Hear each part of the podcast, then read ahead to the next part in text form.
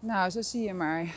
Kinderen hebben soms een heel andere ervaring van dingen waar ik ook mijn gedachten over heb dan uh, ja, hoe, het, hoe het zeg maar lijkt voor mij. Uh, mijn dochter die uh, had van de week opmerking naar aanleiding van, nou ja, een paar mannen in mijn leven na de scheiding. En ze zei, mama, ja, ja, ik leer daar heel veel van.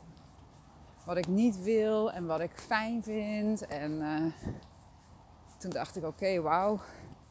En ik ben maar schuldig voelen dat ik uh, ja, die paar mannen eigenlijk al kennis met ze heb laten maken. En dat ze dan ook weer horen van, joh, sorry, ja, het, het, werkte toch niet tussen ons. Of, nou ja, we sluiten het hier weer bij af. Dus zo zie je maar, niet is wat het lijkt.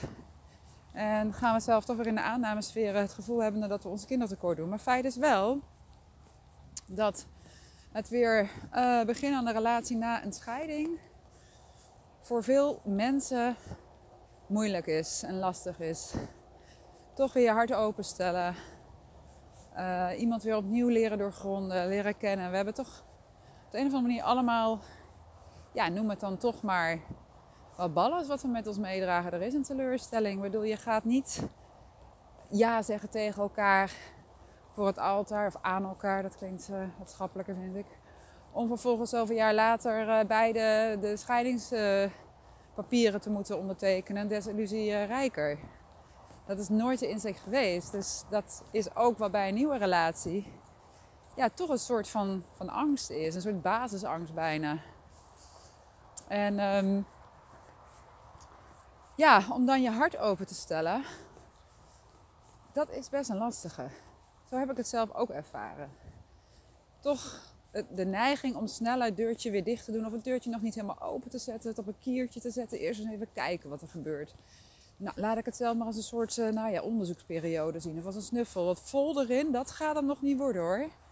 Dat durf ik niet. Of dat hij moet het eerst maar, uh, nou ja, verdienen. En dat is natuurlijk onzin. Zo heb ik er ook niet in gestaan. Ik ging er altijd vol in.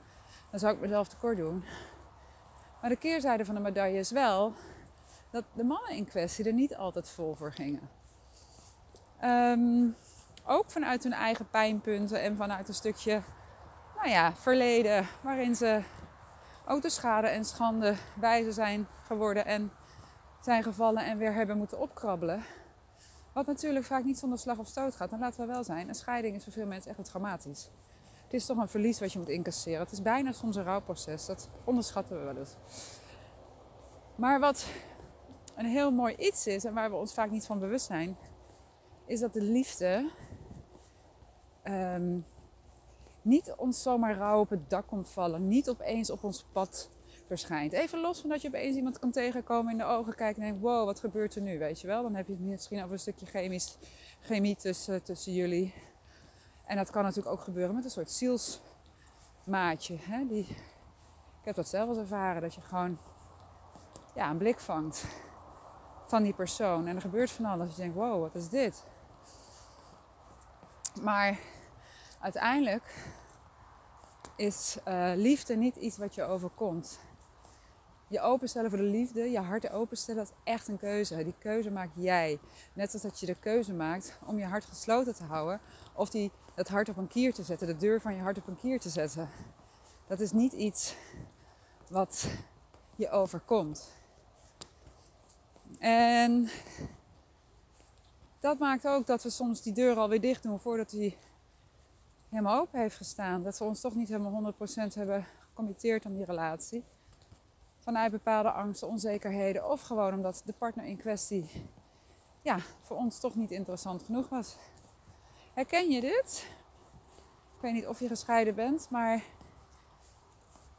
ja, als ik kijk naar de mensen om me heen, ook mensen in mijn trainingen en de feedback die ik krijg naar aanleiding van mijn boek Lul ik hou van je, dan uh, is het allemaal niet makkelijk. Want vorige week had ik nog een Skype sessie met een dame die ook aangaf, ja ik weet het niet. Ik heb nu wel deze relatie, maar ik weet niet of ik alles van hem ja, kan, kan omarmen. Dus ik erger me best wel aan veel dingen en ik weet niet hoe ik dat moet doen.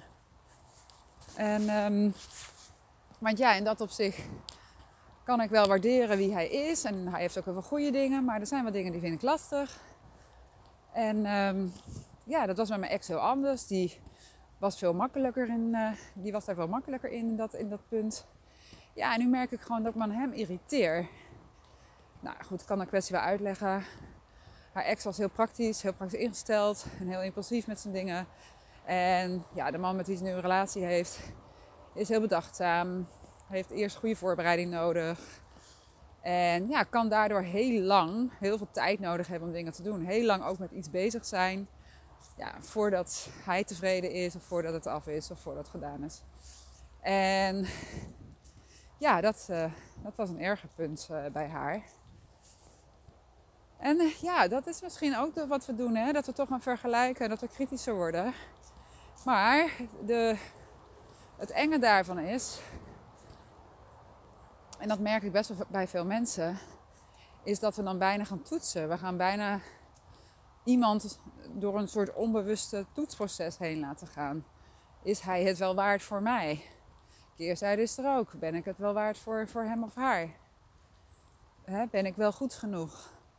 Ga ik niet straks weer met please rol? Ga ik mezelf niet verlogenen? Nou, het leven van een uh, gescheiden ouder gaat niet over rozen. Dat is in ieder geval mijn conclusie. En er zijn heel veel vraagstukken, mensen met heel veel vragen daarover. Die echt vastlopen in relaties. Of die eigenlijk in die relatie vastlopen in zichzelf. En dat is waar ik uh, ja, ons grote mensen in mag begeleiden. En dat doe ik met zoveel liefde, met zoveel plezier. En een ieder die ik daarin kan helpen, die ik dat duwtje in de rug uh, kan geven. Dat is één iemand die ook daardoor de wereld weer een stukje mooier maakt. Heb jij nu een vraag die je partner speelt? Aarzel dan niet om hem uh, mij te sturen. Kijk eventjes uh, op uh, relatiegeluk.nu. Daar staat de optie stel je vraag in een menubalk. En dan zie ik je daar.